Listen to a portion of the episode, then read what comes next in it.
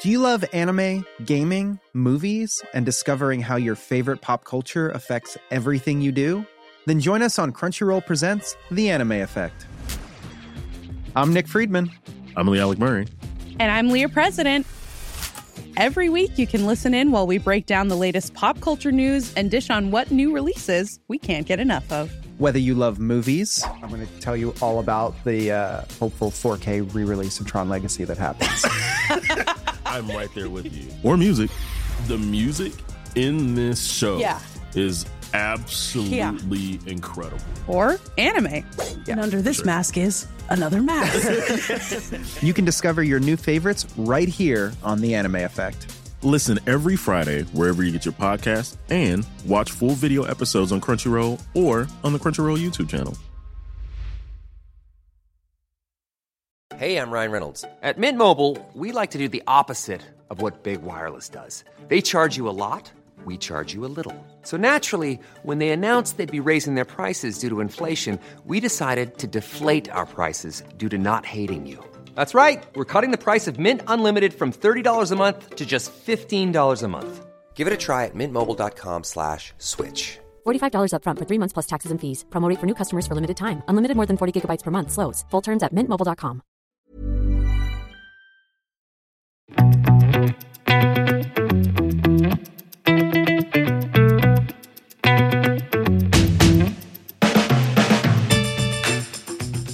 Velkommen til en helt ny episode av Klokkelandslaget. I dag bringer vi ferske, ferske nyheter fra LVMH Watch Week, for å si det på godt norsk.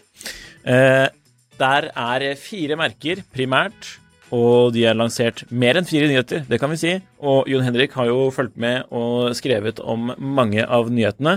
Derfor passer det perfekt at eh, denne ukens episode handler om nettopp det. Nye klokker. Hva syns du generelt, Jon Henrik? Eller kan du ikke ta en intro til hva denne messen er, sånn i først? Jo, nei, det er jo en slags uh, minimesse, vil jeg si. Som uh, Den har vel vært nå de siste tre eller fire årene. Uh, som uh, LVMH, luksuskonglomeratet LVMH har hatt for sine klokkemerker. Det har vært litt til og fra Vilka-merkene som har vært med, men uh, nå så er de vel fulltallige sånn uh, i forhold til at alle er representert. Uh, Bulgari, Ublå, Tag Hoier og Zenit.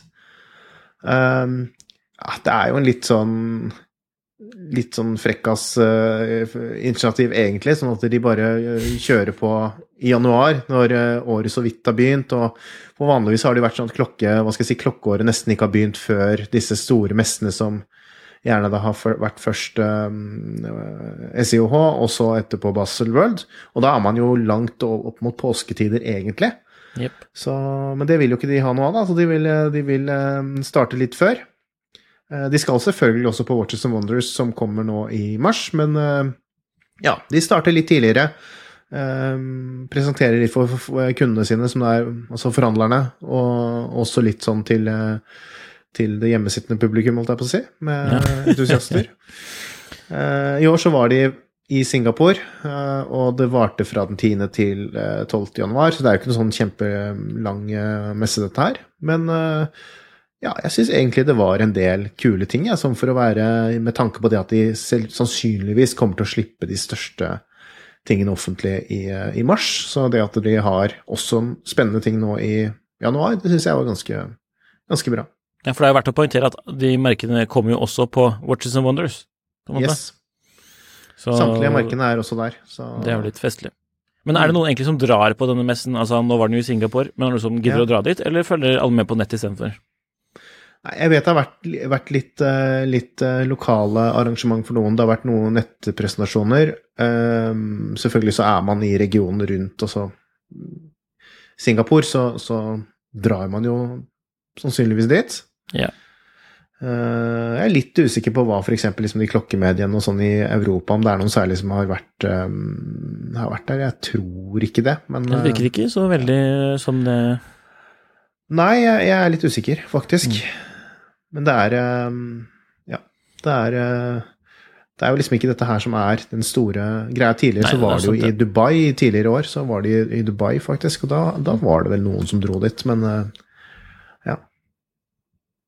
Jeg vet ikke hvordan det er med restriksjoner og sånn heller nå, jeg er i Singapore. Så, Nei, det, kan ikke jeg svare på det, dessverre. Nei. Men Nei, det jeg kan svare på, er om noe er kult eller ikke. Ja. Og det bringer oss på hva som faktisk ble lansert disse to dagene. Og du har skrevet av mange av de. Eller Ja. noen, i hvert fall. Hva var din favoritt? skrevet om eh, Åh, jeg tror Jeg er litt i tvil, faktisk. Jeg tror det er uh, Ubla, faktisk. Ja. Da sparer vi de til slutt, og så starter vi Ja. med Bulgari. Ja, hvor det var bare det vi kaller for veldig blingy eh, dameklokker. Mm. Ingen ny. Octofinissimo. Ingen ny Octofinissimo. Det var vel stort sett bare dameklokker av det jeg har fått med meg, i hvert fall. Eller det man tradisjonelt kaller for dameklokker. Ja. Um, Serpenti, nye Klassisk. Uh, ja. Det er, det er jo veldig sånn, veldig sånn med mye diamanter og edelstener og edle metaller. Ting som kanskje ikke er sånn super eh, ja, Som ikke er, ikke er interessant for, eh, for de fleste mannlige kjøpere, og som ikke er så veldig interessant heller for, en, for mange kvinnelige kjøpere i Norge, vil jeg si. Det er sånn Nei, det er ikke veldig En- Det en det er veldig unorsk. veldig, veldig unorsk. Men uh, selv om en del av disse klokkene faktisk sånn i, grunn, i grunnversjon, eller litt enklere versjoner, så ville det jo kanskje vært litt mer absolutt. Er Serpenti er jo- dritfet. Ja, ikke sant? Det er jo denne, for de som ikke vet, så er det den, en klokke som liksom sirkler seg som en slange rundt Mm. uh, håndleddet. Går vel tre ganger rundt håndleddet, tror jeg. Sånn Ja. totalt. Så, Og så er liksom uret er hodet på slangen. Det er jo dritfett. Ja. Uh, jeg har aldri sett det uh, in the wild, som man sier. Nei. Eh, men det hadde jo Jeg har vært ikke sett, eh, jeg har ikke sett In fett. the Wild på noen som ikke jobber for merket. Det er ikke så. ah, ja. Godt poeng. så um, Men eh, man tror om det ikke hadde vært litt kult å gå med det som eh, herremann også, altså. ja. Deg om det. Jeg skal prøve det. Jeg skal prøve det. Ja. Eh, ellers så er det jo, ja, som du sa, mye sånn bling-ur. Ja, det er jo også det hos Ublå, egentlig. Så der også var det en del uh, blinket i bling. Det var Ja. eh, Ja, de eh, fortsetter jo med disse sa- safirglassklokkene. Som egentlig er ganske kule. Nå syns jeg ikke akkurat den eh, sånn neongul var det kuleste jeg har sett av de. Jeg syns de, de med helt gjennomsiktig, altså nøytral farge, eller eh, er ganske kule. Men eh, ja, neongul Jeg vet ikke, hva syns du? Eh, altså jo, Noen av klokkene har jo alle fargene også, holdt jeg på å si. Uh, men den neogule, det er liksom Jeg er ikke så veldig fan av den uh, modellen i utgangspunktet. Ok. Uh, og det, da snakker vi om Big Bang Turbio, ikke sant? Mhm. Og eh, jeg liker ikke akkurat den, akkurat den klokken. For jeg er egentlig generelt sett litt motstander mot Altså Turbio i sånn øh, gjennomsiktig urskive hvor man kan se alt. Jeg liker Tubio, med Hvis man bare kan se Tubio, kanskje broen, øh, men nei. Ok. Og jeg syns det blir altfor altfor transparent. man kan si det sånn. Nei, det er lov å mene det òg, Ja. selv om det er feil, da. Men, uh, Ja, granted. Nei, jeg synes, men jeg syns jo ikke alt var fint her, da. De kjørte på med den, um, den um, Er det inte, Integral den heter? Eller Integrated, er det kanskje? Har de byttet navn? Big Bang i sånne regnbuefarger, med Ja. diamanter i regnbuens farger. Spiller litt videre på den trenden som har vært, Hos Rolex. vært et par år nå. Mm. Um, ja, jeg syns vel ikke det var så veldig Deres versjon Det av blir, Rainbow. det blir Daytona. litt mye. Den Selv er, om det også den er, kan være fint, liksom med, med regnbuefarger, så blir det litt mye. Jeg tror faktisk jeg har et wristshot av meg med en annen eh, sånn Rainbow-utgave fra Ulo på Basel 2019. Ja. Uh, Men den hadde sannsynligvis da ikke lenke med diamanter på, nei. sånn som, sånn som her. Nei. For det er liksom Eh, det er jo fryktelig spesielt og fryktelig dyrt. eh, 169 000 US dollars. mm. Ja. Altså, det er, det er jo ikke noe nytt ved den klokken eh, utover det, på en måte. Så det er, det er sånn ok. Veldig kontrast til den som jeg nevnte innledningsvis, som jeg syns kanskje er den Yes. stjernen på Nå snakker vi. Nå showet. snakker vi. som er en Ublo Classic Fusion Original. Original. Det er Digger eh, Det høres jo sånn der, Storyen bak høres jo ut som en sånn typisk klisjé, da, som alle klokkemerker gjør, men at de går tilbake til uh, en tidligere versjon. Og det er jo det Ublå har gjort, og det er jo litt morsomt med Ublå, for det er jo et uansett et ganske ungt merke. Yep. Så de går jo da tilbake til den første Ublå-modellen fra 1980, er det vel. Um, da var ikke Jean-Claude Biver uh, CEO for merket, men da var det en uh, italiener vel, som heter Carlo Crocco. Krokk. Eller er han sveitser? Um, Navnet er jo veldig italiensk, men jeg tror, Ja, det jeg tror det var det han var også. Altså. ja, jeg, jeg lurer på det. Mm. Uh, hvor også Ublå på den tiden var jo ganske Når den kom, så var jo også det en ganske spesiell klokke i og med at den hadde Det var en kvartsklokke, den, den uh, hadde en kasse av gull og en simpel sort gummirem. Som jo var en helt uhørt kombinasjon. eh, Revolusjonerende. ja, men det, ja, ikke sant? Så det, så det Og det er jo litt det der de har gått tilbake til, da. Uh, til den tiden. Da også Ublå ikke het Ublå, men det het MDM Genéve, som var liksom navnet på selskapet bak modellen, eller kolleksjonen Ublå. Uh, Så jeg har gått tilbake til det med helt plaine urskiver, med de samme kombinasjonene du kan, kan få da med, med gull og en sånn slett, enkel gummirem. Og nei, det er ganske utrolig hvordan sånne små justeringer da kan gjøre en klokke ganske forskjellig fra, fra det. For man har jo sett også classic, eh, Hublot Classic-klokker tidligere, Først. som også har vært litt enkle, enkle klokker, men her er det ja, veldig kul. Ja, jeg syns det er veldig kult. Jeg kunne godt tenkt meg en i 38 millimeter, for den kommer jo i tre forskjellige størrelser. Ja. 33, 38 og 42. Og i tre forskjellige materialer. Det er veldig Eh, sort keramikk, eh, gull eller, eh, eller, eller Titan. Eller, eller titan, ja. Mm. Eller titalytt. Jeg syns, jeg Men jeg må jo si at det er i gull. Det er i gull den er kul. I sort keramikk Absolutt. eh, nei. I titan nei. Mm. I gull, da får man liksom den Ja. Titan Jeg kunne vært, jeg kunne vært eh, mulig å overbevise til titan. Men med sånn sort keramikk så blir det veldig Da blir det fort den samme stilen som Åh, hvem var det som lanserte det i 2019 på Basel? eh, Hva står det stille for meg? Var det Zenit? Ja, og disse Defy-modellene som kom i mye sånn De små Defy-modellene som kom i keramikk, var det ikke det? Jo, mulig, men, men jeg tenker nesten mer Når jeg ser bare sånn helt eh, plain skive og sånn det er med sort, så tenker jeg nesten mer Movado, jeg, da. På en eller Å, annen ja. grunn. Ja, altså sånn Onyx Dial uh, Datedress, nesten. Ja. Mm, men kult uansett, da. Jeg synes det, det der er jo, dette er jo bra. Men det Men- som ikke er kult, er jo prisene. Prisen, ja. Åh, så begredelig. Altså, her hadde de noe som virkelig liksom kunne gjort at, Ja. uh, at det som kunne engasjert meg i merket. Men så blir det liksom priset ut av Ja. Ja, jeg syns jo det blir det det er jo altså Ja og nei. Altså, hvis man uh, ser på Titan, da, så er det mm, 42 millimeter der, en, eller, eller 38 millimeter Titan. eh, 8200 euro. Mm. Så er jeg litt Men det er i så tvil lite, hvordan det. de- Ja, det er nettopp det. Det er, det er jo bare det som gjør at det er litt sånn hmm. Ja.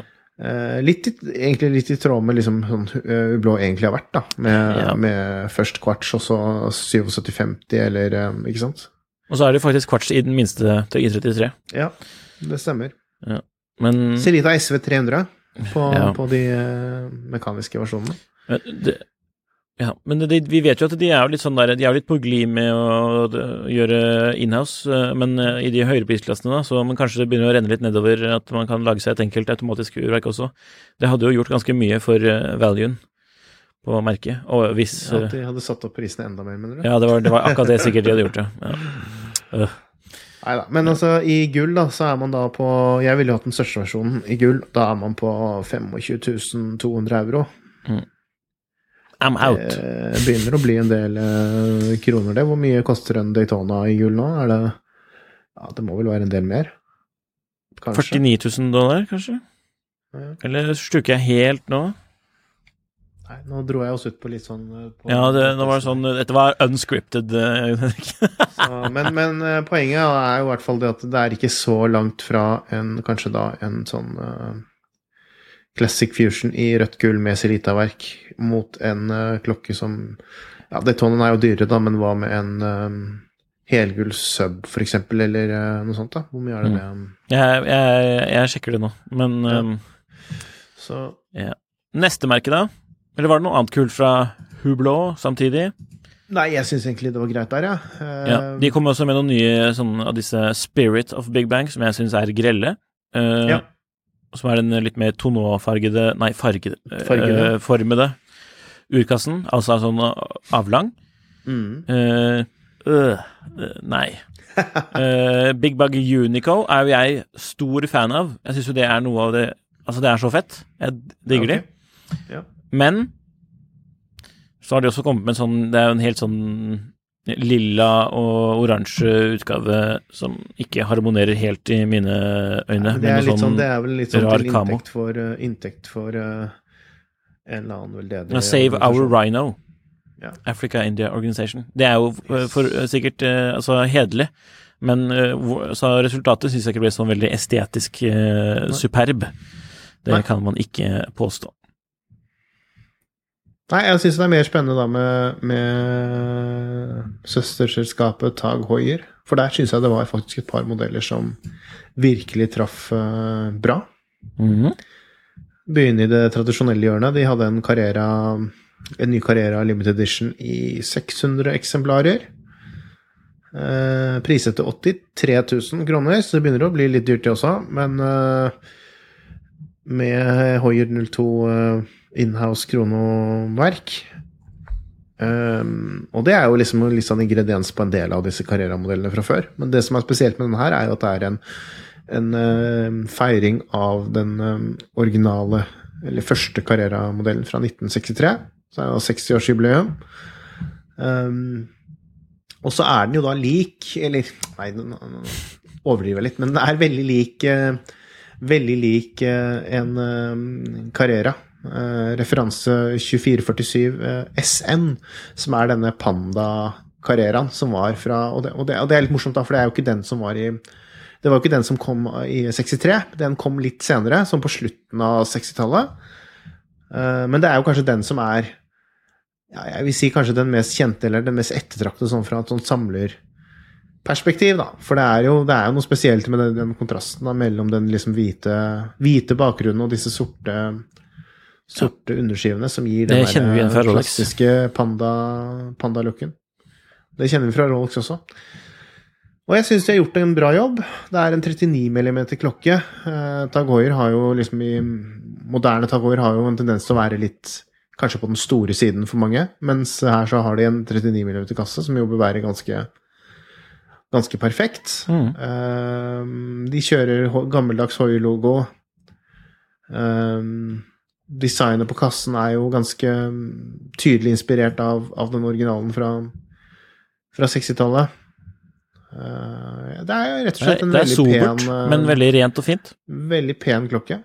Eneste jeg lurer litt på, da, det er jo liksom den bruken av en sånn beige eh, lum. Hvordan den heller hadde vært Ja. som en, en litt mer, hva skal jeg si, en mer nøytral farge. Men det jeg vil si, er at Mm. den, altså den lumen her er ganske non-offensive, for å si det sånn. Den er altså, Ja, for det er ikke så det er ikke det verste det. jeg har sett.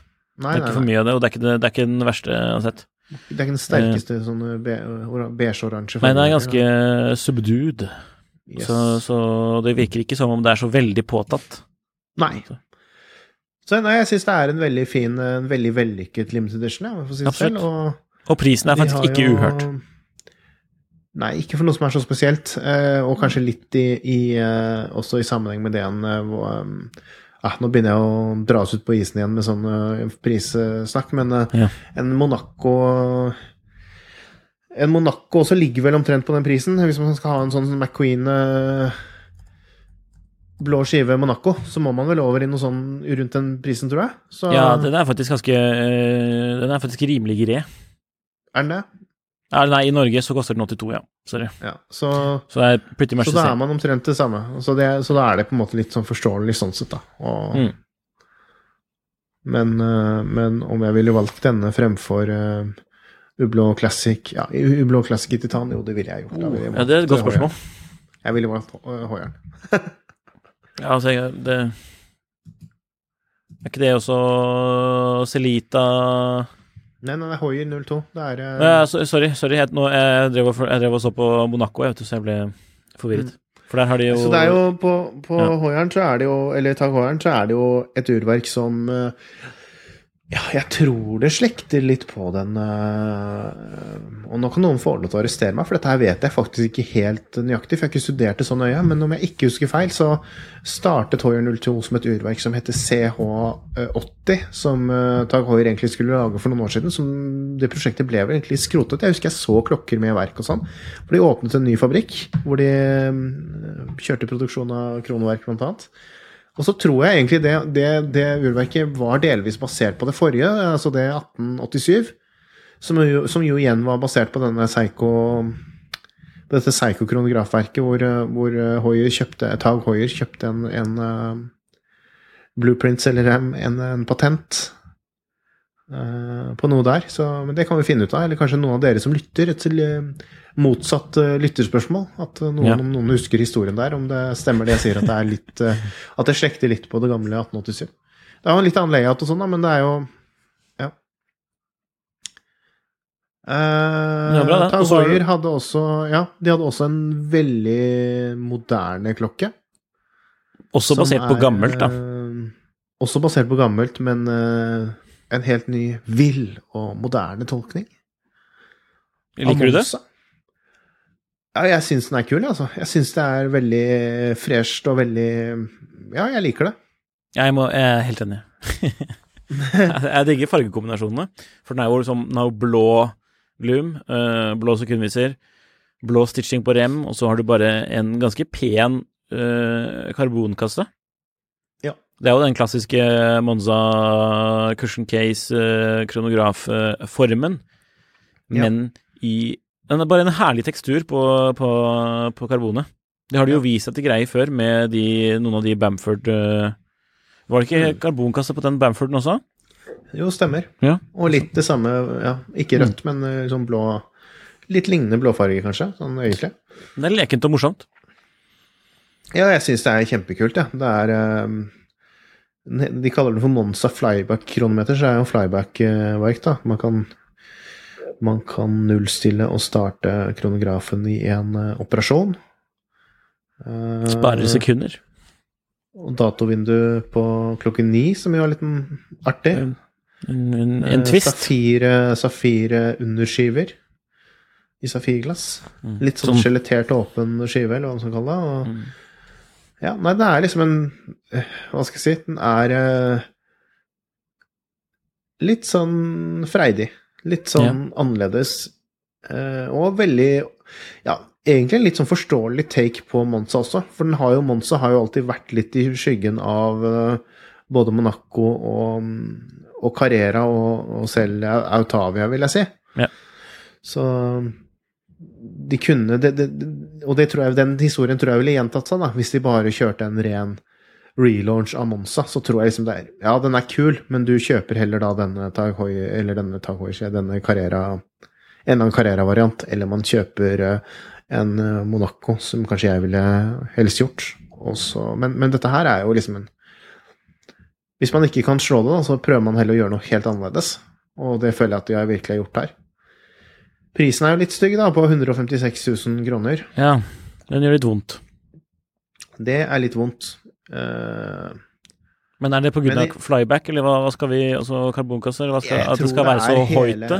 Eller hva Jeg tror det er liksom hele, hele helheten, jeg, altså. Med, med den spesielle skiven med safir, Ja. med mm, kassen, verket Det er jo liksom, ja, Det er litt provoserende, da. litt provoserende høyt. Ja, altså ja, med tanke på at eh, den den eh, Bumford-utgaven av eh, av eh, Å, hjelp meg. Eh, Monaco. Monaco Mm. var jo, i min mening, fetere. Basert på Ja. en, i min mening, fetere modell. Ja. Uten flyback, da. Men Og den kostet jo vesentlig mindre. Den var jo ETA den var uprovoserende priset, for den kostet jo Men med ETA eller Silitaverk, om jeg ikke husker feil. Ja, det kommer sånn litt an på hvilken Med sånn modulær lærer kronograf, er det ikke det? Jo, for det, det, du får jo Den kommer jo litt basert Litt avhengig av størrelse, så kommer den jo med enten Celita-basert eller ETA-basert uh, urverk. Monaco, altså. Ja, men Bamford Nei, Monaco kommer jo nå også min house, men, uh, men jeg tenker på Bamford, jeg. Spesifikt. Ja, Bamford var jo, jo Ja, for det, det nå, jeg så på priser på, på litt eldre modeller, ikke sant. Uh, Ja, ok, ok. Uh, ja. Mens den helt nye, med det Mm. nye, den koster Med kaliber 11, den er jo Ja, men det er jo Da har av Base hatt, Caliber. eh, Kaliber hva? 11? Ja. Men det var det jeg sa, det er Bamford, ikke sant? Nei, det er jo den derre med blå og den litt retro, litt retro Jo, men de har de har forskjellige varianter. Det er, Ja, okay. det er så mange forskjellige varianter. Ja, det er så- eh, ja. det er den med krone Det er den med krone på venstre side òg, som kanskje er den jeg ville kjøpt, som jeg er litt usikker på om de faktisk har i produksjon ennå. Ok. De, ja, det, jo, det har de kanskje. Men øh, Og så har de jo kommet med ny nå med Hoier eh, ja, Er det ikke Hoier 02, da? På de nyeste, nyeste som kom nå for ett eller to år siden? For den vi snakket om, ble lansert for et par år tilbake. Men ja, den Nei, kommer det er mer, med enn- mer enn to år siden. Er Ja, sikkert men i ja, ok. 2018. Ja, ja, det var 2018, ja. Mm, Eller 2016. Den har Celita i letaverk, det er jeg nesten helt sikker på. Ja. Mens den med, med Hoyer 02, den har jo dato klokken seks. Yes. Og den er Og så har den også tre, tre underskiver. Ja. Ikke to. Og, og krone klokken tre. Så Men så finnes det også en som har krone klokken Og det gjør det? eh, ni. Mm. Som vel også er eh, Celita eller ETA-basert. Ja. Det er så kaos i det der utvalget der at det helt Ja, det er litt sånn komplisert der. Og det er litt komplisert å forstå prisingen og sånn, men ja, eh, ja, det, ja. Nei, jeg syns sånn første, første magefølelse er jo den Monza-modellen at den er litt dyr, men, eh, men, men på den annen side, hvis det er hvis det er Det er en sånn klokke som jeg tror også man kan bli helt sånn der, litt sånn forelsket i, da. Hvis det liksom ja, er jeg den man vil ha. jeg ser den så- helt uh, 100% Og da syns jeg det er en veldig fin ting å heie frem, for det Mm. er kult når folk velger tørre å følge Følge litt den derre impulsene litt på den måten der, da. Istedenfor å bare prøve å flørte med ansatte på Bjerke og komme seg på liste for Rolex. Det må jeg si. Da kan du heller Ja, de har jo Tag Heuer, de òg. De har Tag ja, ikke sant, kanskje kan gjøre det ene utelukker ikke det andre. Man kan både flørte seg inn på Rolex-venteliste og få en kul Monza. Ja. Nei, men utover det så var det ikke noe sånn øh, Noe som skårte utrolige poeng hos deg, eller? Ikke hos Tag Heuer. De kjørte vel ut en Aqua Racer nå, eller nyeste generasjon Aqua Racer, med den Solar Solargraph-verket, eller hva jeg skal kalle det, som vel er et sånt Citizen Citizen uh, solcellelader. Den var pro- eh, annonsert og glemt på samme dag. Ja. Og noe smartklokke, noe golfklokke, litt forskjellige sånne ting som ikke er så Mm. veldig interessant, i hvert fall for oss som Ja. Og så har det skjedd noe med en klokke som vi allerede har nevnt i denne episoden her, men ikke i samme åndedrag. Zenit Defy. Det stemmer. Zenit klinket til med ti nye referanser av Defy. Og det er da ikke, ikke ti nye modeller, men ti nye varianter, eller ja Én ny modell, da, eller én ny Ja, vi får kalle det en ny modell. Eh, Defy Skyline, som kom i fjor. Eller ja, den kom i fjor, gjorde den ikke det? Som har kommet nå i en sånn uh, skeleton-variant. Hva syns du om det, Nikolai? Jeg syns at øh, Å, endelig så ser den enda mer ut som Royal Oak. Akkurat det den tenkte. For det de har gjort, er jo egentlig bare å gi litt flere vinkler på klokka, sånn at den med rett vinkling kan se mer ut som en uh, Audemars Piguet Ja. Royal Oak. Spør du meg, og så har den kommet til litt uh, to ferske farger, da, som jeg ikke har sett tidligere. Uh, Limegrønn og hva skal jeg kalle det? Ja, men nå er det på 36, nå er det på 36 millimeter, nei, 36 millimeteren Ja, av Skyline. Ikke sant? Uh, men jeg, jeg tenkte på den uh, skeleton, jeg. Å ja, Skeleton, ja, sorry. Den er jo grei nok, den. Den har jo litt av de samme vibbene som den Defien som uh, dirret. Hva var det den het igjen? Den som hadde en rar Inventor, var det ikke det? Ja, eller noe sånt. Den som hadde en sånn veldig rar effekt. Ja, det var ikke bare en effekt, det var et gangsystem. Ja, ja, Et nytt gangsystem. Jeg tror den het Inventor, som et stykke silisium. Mm. Eller noe sånt. Silisium. Oscillator. Men eh, det er ingen av de som eh, som eh, sendte meg umiddelbart i kjøpsmodus. Ikke at jeg hadde hatt Nei. penger til det, men ja.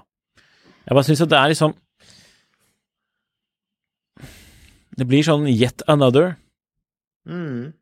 Enda et ur, spesielt med den boutique edition. Da er jeg sånn Ja. ok. Da har du gullstjerner på skiven og eller roségull-effekt på, på markørene og, og visere i stålkassen.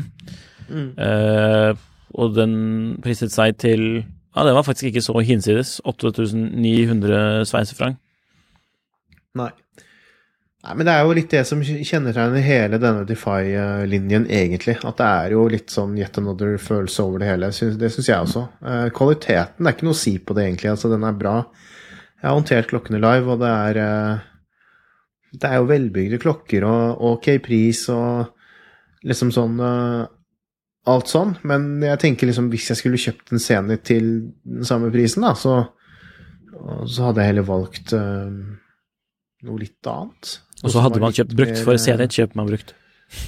Ja, gjør du det? ja, det hadde jeg gjort.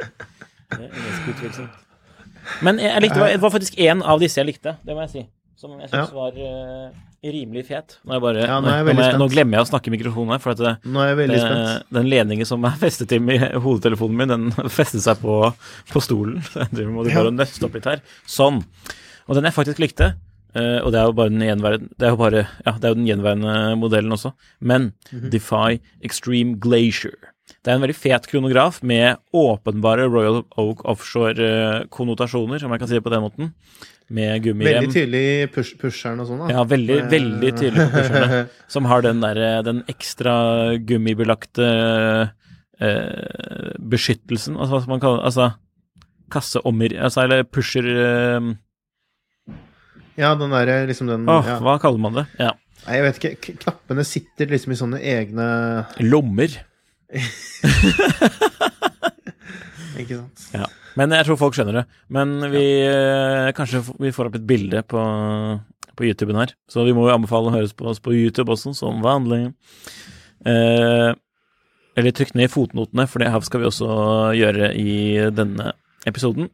Så nå kan, hvis man lurer på noe, så, og hva vi snakker om, sjekk fotnotene. Der eh, legger vi ved link. Head over to Hulu this March, where our new shows and movies will keep you streaming all month long. Catch the acclaimed movie All of Us Strangers, starring Paul Mescal and Andrew Scott. Stream the new Hulu original limited series We Were the Lucky Ones with Joey King and Logan Lerman. And don't forget about Grey's Anatomy. Every Grey's episode ever is now streaming on Hulu. So, what are you waiting for? Go stream something new on Hulu. Say hello to a new era of mental health care. Cerebral is here to help you achieve your mental wellness goals with professional therapy and medication management support. 100% online. You'll experience the all new Cerebral Way, an innovative approach to mental wellness designed around you. You'll get a personalized treatment plan from a therapist, prescriber, or both in a safe and judgment free space. Your cerebral therapist or prescriber will outline a customized plan with clear milestones along the way so you can get to feeling your best. With Cerebral, you're not alone in your mental health journey. We're here to empower you to live a fulfilling life. So take that first step towards a brighter future and sign up today at cerebral.com slash podcast and use code ACAST to get 15% off your first month. Offer only valid on monthly plans. Other exclusions may apply. Offer ends July 31st, 2024. See site for details.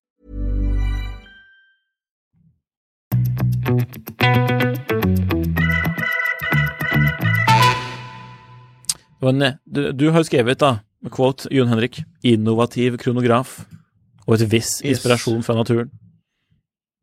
Ja, for det er jo det som de kjører på her. Det er, det er jo en grunnmodell som kom for uh, I fjor var det faktisk. Um, um, hvor de da har laget en spesialversjon med Glacier, da, hvor man har denne litt sånn Hva skal man si Isbreaktige skiven.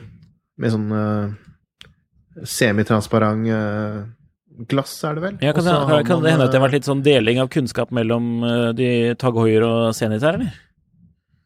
Ja, det kan tenke. Det er mange som men, men det er jo litt så morsomt med klokkeindustrien, da.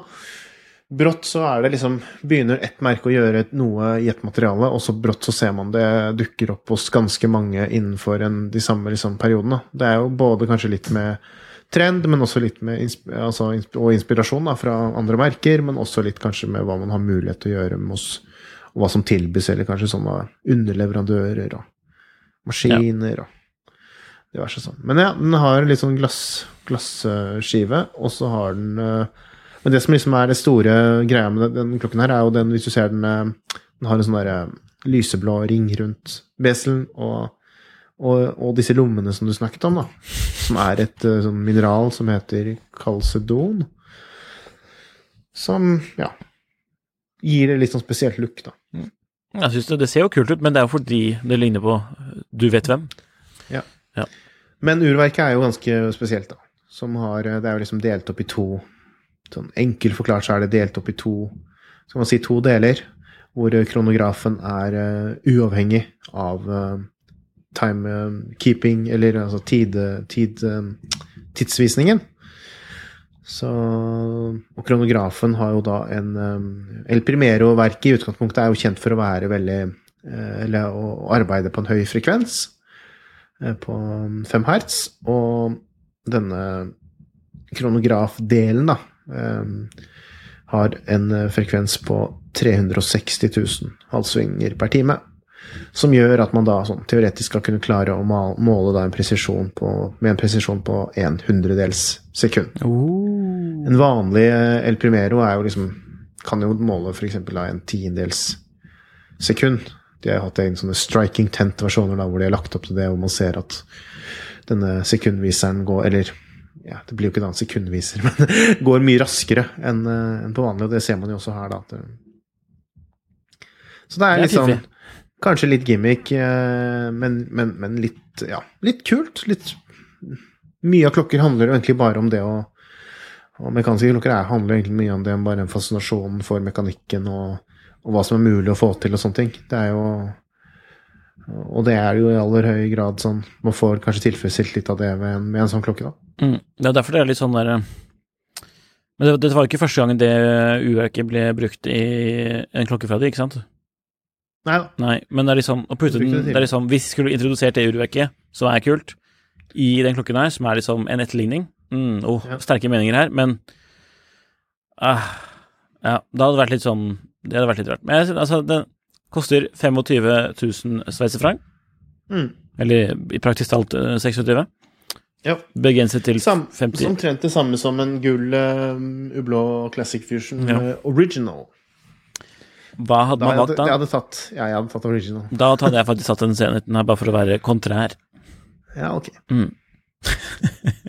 Ja, ja, ja. Ja, ja. Men så det, det var faktisk det vi hadde fra, fra Louis Vuitton Moet Hennessy Watch Week.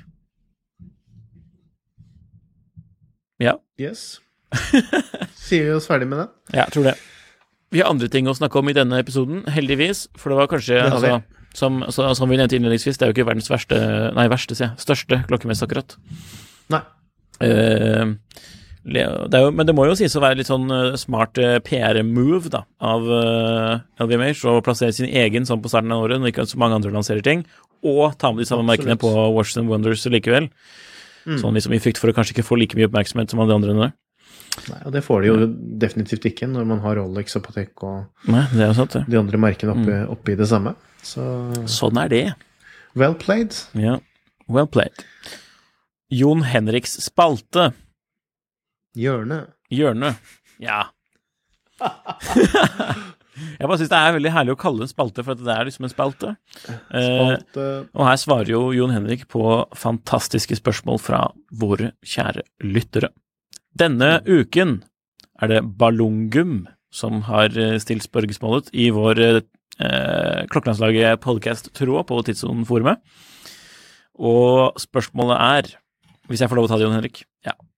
Ja. Dere vinner 500 000 i Pantelotteriet og skal kjøpe én klokke dere har lyst på, som dere ikke har kjøpt tidligere fordi klokkebudsjettet ikke har strukket til. Men nå skal dere slå til! utropstegn. Hva ville vært deres fem kandidater? spørsmålstegn. Jon Henrik. Nei, jeg syns vi bare skal gå rett på sak. Jeg, Gjør det. Jeg, um... For jeg får lov å velge også, selv om det er uh, din spalte. Ja, men fordi han spurte jo oss, Ja, han spurte ikke ikke bare meg. Yes. Så Dette er et gøy spørsmål. Jeg, Jeg tenker, eh, det er et veldig gøy spørsmål, og det er eh, Ja, jeg tror liksom det var eh, Det er, det er liksom den, den eh, I den prisklassen så klarer jeg ganske lett å komme på i hvert fall noen kandidater som jeg ville vurdert, da. Uh, Patek Philippe Annual Calendar eh, 5235G. Vet du hvilken det er, eh, Nikolai? Nei. Da må du google den og se. For Ja. det er en eh, Da ser du det, da kommer du til å si 'Å ja, det er den, ja'. Ja, jeg, jeg, jeg, tror, jeg, jeg tror jeg vet det. er den, er det, er det, jeg tror det er den derre um, Det er, eh, eh, regulator. Archie Luxury Eh, Å ja, har han snakket om den? Eller har han Å nei, nei, sorry. Det er den, ja. Jeg husker at du snakket om den her når den ble lansert, og du syntes den var så keeg. Kanskje ikke Jeg akkurat vet med det ordet, men var keeg, Men ja. Nei, jeg syns den er ja. Den er fin, da. Ja, men ja, det er en sånn klokke som har vokst veldig på meg, da. Som jeg kanskje Ja. Og spesielt da i hvitt gull med sølv skive syns jeg den er fantastisk Mm. fin. Mm. det er jo da en årskalender som er Patek sin, uh, en av Patek sine signaturkomplikasjoner. For de fant jo, på, de fant jo opp uh, årskalenderen i, uh, i Armosur. Mm. Det hadde jo ikke blitt gjort tidligere. Så det er litt kult. Det er en fantastisk kult uh, urverk med mikrorotor. Det er uh, en regulator-type klokke, som da vil si at tidsvisningen er spredt utover egne skiver, eller hva hva skal kalle det. Så den har jo da en Den har jo da en skive klokken tolv og en skive klokken seks. Og den stilen er jo litt med det at man har Og det er jo da minuttvisningen på den store sentrale viseren. Og disse klokkene ble jo uh, den, den, Denne klokken her spesielt er jo inspirert av uh, typisk sånn tradisjonelle klokker som man fant i, på, ja, på klokkefabrikkene og på urmerkeverkstedene og sånne ting. Gjerne hadde for å se etter uh, se, se, Få veldig presis tidsvisning. Uh, hvis du går på Patek-museet, så ser du annet noen eksempler på det der, og ser liksom samme layouten og, og sånn. Så jeg syns det er en fantastisk kul uh, klokke, og den koster jo nå rundt uh, Jeg tror i hvitt gull i den konfigurasjonen så tror jeg kanskje den har gått ut av produksjon, for den finnes jo nå i rødt gull med sort skive, i hvert fall. Um, men rundt 500 på krona og 24. Uh, ferdig med Eller altså da Ferdig bomset. si. Mm. Sånn må det være. Um, Jeg har også fra rivalen Lange så tenker jeg også en 1815 kronograf. Eh, Den, den havner muligens litt over budsjett nå, fordi Lange, Lange sine klokker har jo gått ganske greit i annonsmarkedet til tross for at man har hatt en korreksjon eh, på en del andre merker. Men det er jo, hva skal jeg si, det er basically en, eh, en litt enklere, mer klassisk datograf, for å kalle det. Altså en, et urverk som er mye av det samme som, som datograf. Like pent å se på som en eh, datograf, men en litt enklere enklere klokke sånn all over, da. Jeg syns den er like kul, men ja, jeg, jeg vet ikke. Det er litt sånn Jeg har litt sånn Jeg får ikke helt bestemt meg der. For jeg syns den er jeg, I perioder hvor jeg syns 1815 er finere, perioder hvor jeg syns datograf er finere. Jeg, ja, jeg vet ikke. Det, men den er uansett på listen, da. Eh, Jeg har også en klokke som Nå skrev jo Ballong om at man skulle ha klokker som skulle være sånn noenlunde enkle å, å få tak i, mm. mener jeg. Eh, Eller at det skulle være mulig å oppdrive. Eh, vet. Ferrier Torric Tourbillon kan være litt komplisert kanskje å få tak i. ja. Eh, for det er jo en, en klokke som har gått ut av produksjon for lengst. Ja. Eh, jeg tror den ble produsert sånn på tidlig 2000, eh, i 2000-årene. Muligens før også. Og den er jo Eh, billig. Den bruker jo I forhold til ja, eh, den er ikke challengen, så da. billig nå. Den, nå lå den vel Jeg tror det er eh, er Collected Man eller noe har en ute nå for rundt 700 eller 800. Å ja, noe sånt. scheisse, jeg ser det nå. Eh, men det er- 85 000 men for- eh, GBP. Så det, hvor mye sa du? 85 000 uh, britiske Ja, pund. Og den er solgt. Men, det er jo, men, men, men de pleier jo å prise seg høyt, da. Ja, De priser seg høyt, Mm. og det er en klokke som dukker opp. Jeg har sett den mye mye lavere enn det, under også budsjettet. Men, men, så jeg, jeg har liksom sånn, litt sånn naiv tro på at jeg hadde klart å få tak i en hvis jeg lette godt og fant ja, den riktige selgeren. eh, i hvitt gull. Eh, den har jo Det er en tourbillon som har eh, Det er faktisk ikke et, et, et Girard Perregaud Tourbillon-verk som er i bunnen der. Eh, men jeg synes, for meg så er det designet, da. At jeg bare syns det designet er så spesielt. Ja, det er kult. Og ja, jeg bare syns det er en utrolig kul klokke. Bra valg, det, altså. Bra valg. Eh, to igjen. Eh, Vacheron Constantin Historique Corn de Vache Corn de Vache. i, eh, i um, um, kuhorn. Eh, med sånn kuhornkasse. Ja, det refererer vel til uh, hornene. Yes. De faktiske hornene. Ja, ja, hornene på Ja. kassen, ja. Mm. ja. Eh, sier ikke lugs, vet du. Sier, Ja, horn. Nei, Nei, horn. Remfestene. Remfester. Uh, I stål ca. 400. Fantastisk fin kronograf, de også. Veldig fin. Kanskje Ja, jeg syns verket på Langen er finere, men så syns jeg kanskje kassen og skivene er finere på Vacheron. Så det er litt sånn vanskelig, da. Helt enig. Um, den siste jeg tok med, er også Det er jo brukte klokker, alt dette her. Det er jo verdt å nevne. Mm. Uh, Ulysses hadde Freak, som er jo helt andre enden av skalaen, sånn på, i stilmessig. En yep. supermoderne klokke med en uh, Hva skal jeg kalle det? En slags karusell tourbillon. En veldig spesiell En uh, slags. Veldig spesiell uh, Ja, men det er liksom det også å prøve å forklare det, da. Men uh, ja, man må bare google det. Ulysses er freak. Og da ikke, ikke de nye versjonene nå med krone, men også de gamle opprinnelige. Viktig som hadde forskjell. justering på, av det på, bak, eh, på baksiden av klokken. Uh, fantastisk klokke fra en fantastisk periode for uh, Ulyss. Uh, de begynte å eksperimentere med silisium, ikke sant? for dette er på slutten av 90-tallet ish.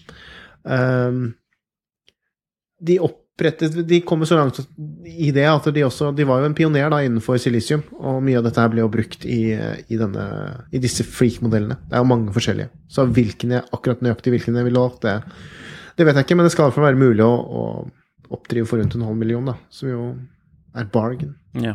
ja, den er fet, ass. Det er jo litt vill, det. Altså, de beslene de hadde og sånn, men Så jeg har tatt med en siste sånn hvis jeg skal kjøpe nytt, men kanskje du skal ta dine brukte, brukte først? Altså, har jeg har mye nye. også?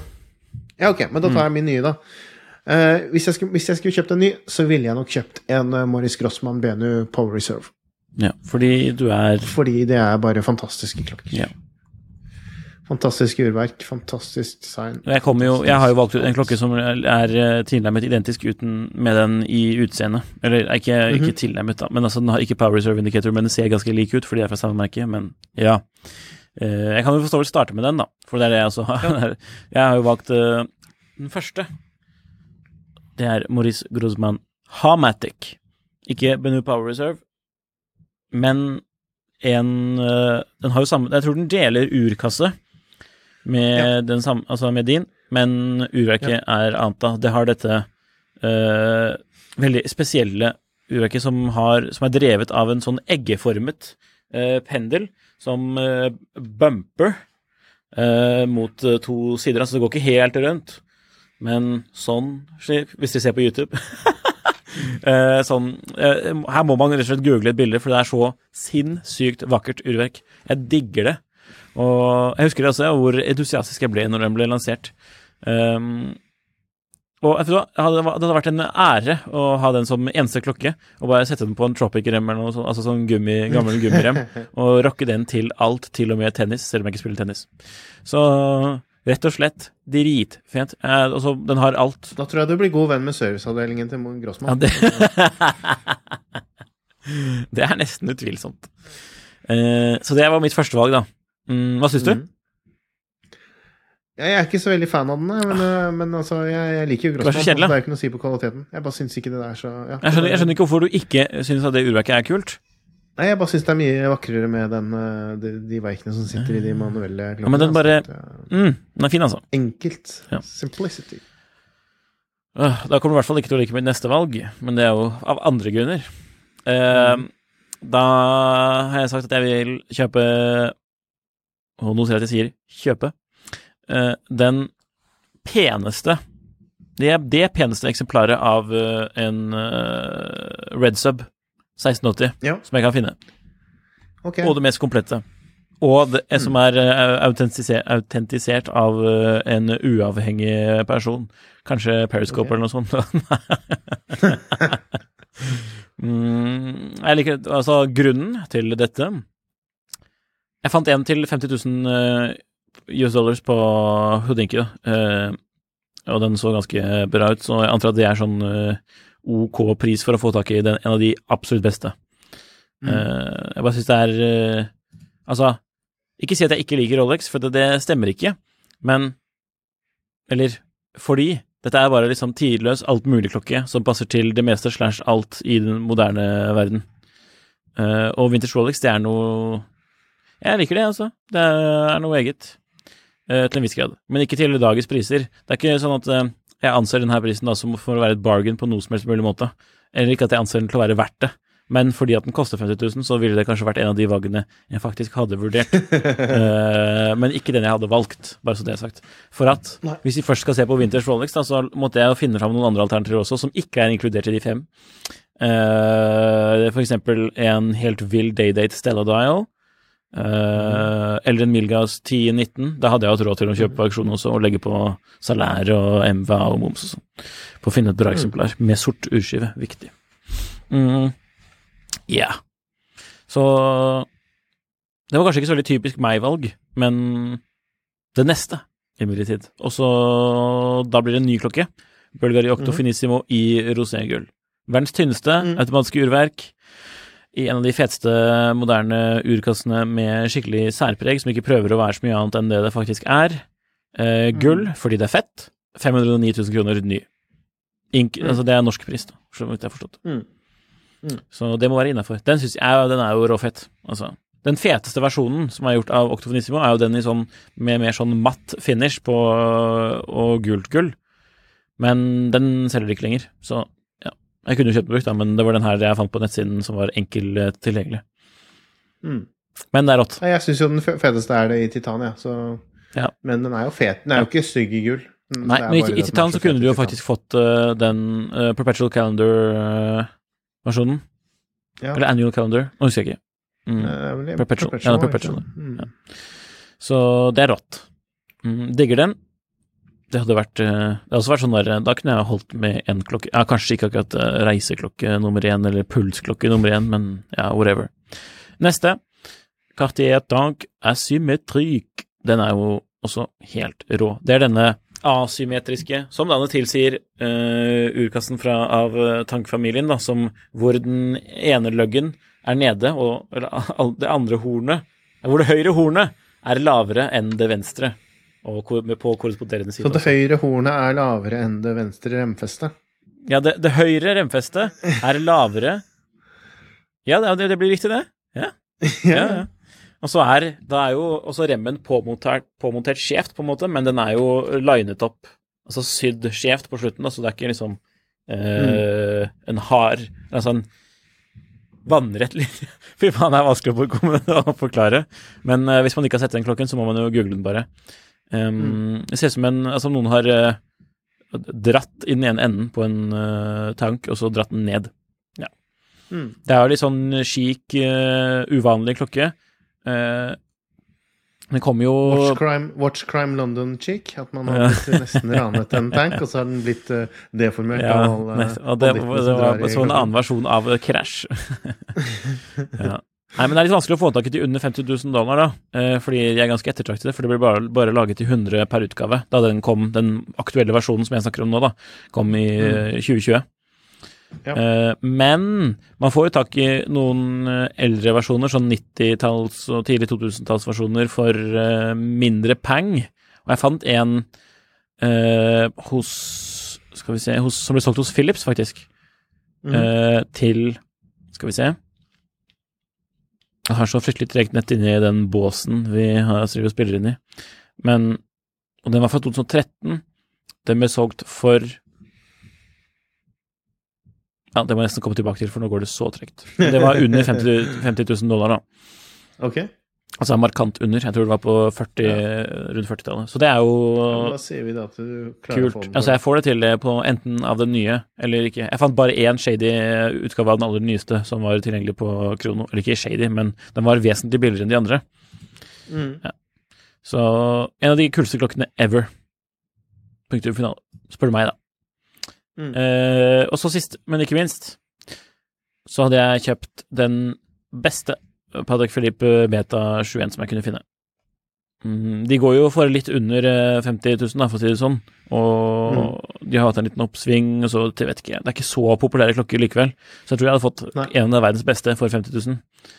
Mm. Uh, altså dollar, altså 500 000 kroner ish. Det er jo ikke Mm. det samme nå, men ja.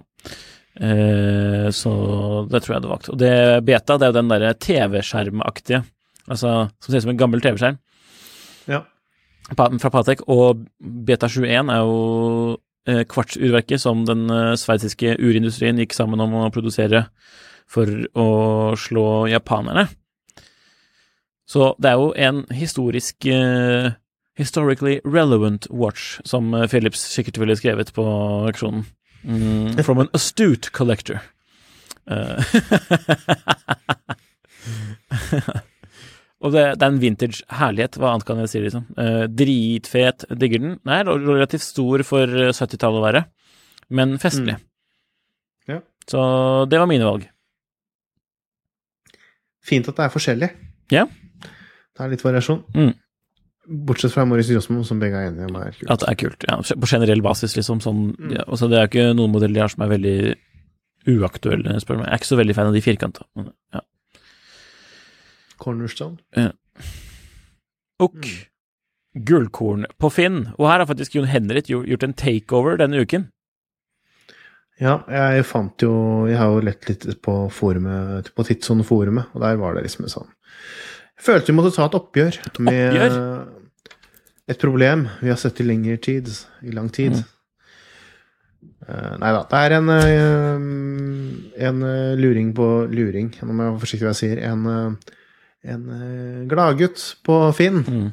som eh, har prøvd å Eller som prøver å selge sin eh, Omega Seamaster Professional 300 meter diver til eh, 85 000 kroner.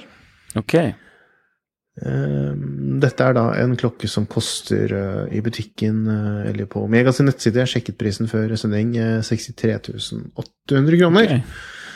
Så han prøver seg jo da å tjene noen, noen 10 000. Eh, en latterlig vakker Omega Seamaster med grønn skive og besel. Må oppleves i virkeligheten. Pent brukt. Original lenke medfølger med to ekstra ledd, samt original boks samt papirer fra AD. Samt. Hen og så er den hentet ut fra Protid Sandefjord i april 2022. Aldri polert. Eier nummer to. Så det er, denne er det ventetid på hos AD. Innbytte kan være aktuelt. Å, mon tro hva man vil ha innbytte i. Rolex med mellomlegg fra min side er det interesse for. Nei, sier du det, du? Sier du det? For uh, Neida, det, Er det virkelig venteliste på disse her? Eh, kanskje litt hvis man går til en riktig forhandler, men jeg sjekket raskt nå, altså. Eller eh, sånn eh, Jeg har hørt mange altså, det, det er ikke en klokke som det er veldig lang venteliste på. Det er en klokke som kommer inn sånn i rykk og napp, tror jeg. Eh, Jeg sjekket litt på nett nå, bare kjapt før sending. Eh, Jeg så den vel ikke hos Bjerke og hos Tune, men jeg, jeg så noen hadde skrevet at den var, ble annonsert holdt jeg på å si, som tilgjengelig hos Bjerke nå for litt siden. Eh, Og jeg så hos Ot- Otteren, på otteren.no, så lå den ute så, til salgs. Så det er ikke en det er, Nei, det er ikke en veldig ventelisteklokke. Ja, det det, er- en klokke som er forholdsvis greit. Det er bedre det enn å betale 20 000 eller noen 20 000 mer for eh, for å få den tilsendt og bli eier nummer tre på en klokke som er under ett år gammel. Jeg syns det er fint, jeg. April 2022. Aldri polert. Nei. Man skal være ganske tjukk i huet da, hvis man hadde polert en klokke fra april 2022. Det må jeg si. Det, er jo, det, er, skal eh, sies bare sånn det, det er jo faktisk en god del sånne gråmarkedshandlere som bare polerer alt over en lavsko, uansett om det er en måned eller to, gammel, år, to år gammelt. Ja, det vet jeg ikke. Tror du det? Eller altså Ja. Ja. Jeg bare, men det er jo fascinerende, da. Eier nummer to på en klokke fra april 2022. som er latterlig vakker, da. Mm.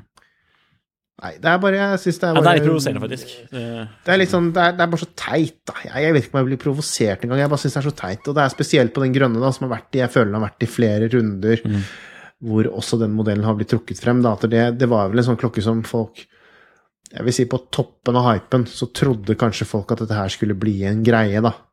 Når man så liksom Snoopy, og når man så disse ja, ja, Rolex-prisene, og hvordan det gikk på andre ting, og ja eh, Nei, ikke kjøp ikke kjøp eh, denne grønne Seamasteren Not til, eh, advice, da, men ja. til eh, noen og 20 000 eh, mer enn det den koster i butikken. Og gjør du det, så syns jeg du er litt dum. Rett og slett. Og med den noten And on that bombshell Nei da. det var det vi hadde for i dag. Vi, var det vi hadde. Ja, vi takker for at dere hører på Klokkeslaget. Vi er ekstremt takknemlige for at dere både ser og hører på podkasten. Og hvis du vet om noen klokkevenner som ikke hører på podkasten, vennligst fortell, den om, fortell dem om den.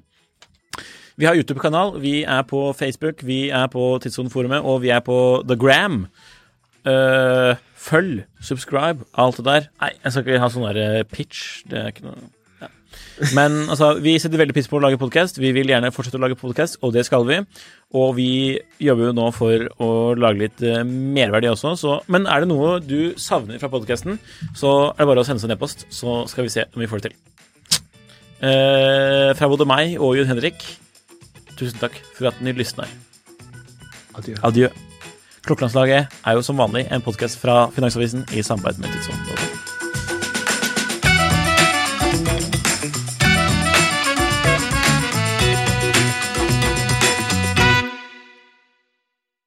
Klokkelandslaget er en Finansavisen-podkast i samarbeid med Tidso. Programleder er Nicolay Giel og Jon Henrik Haraldsen. Produsent er Lars Brenden Skram. Podkast- og videoansvarlig er Marius Mørk Larsen. Og ansvarlig redaktør er Trygve Hegnar.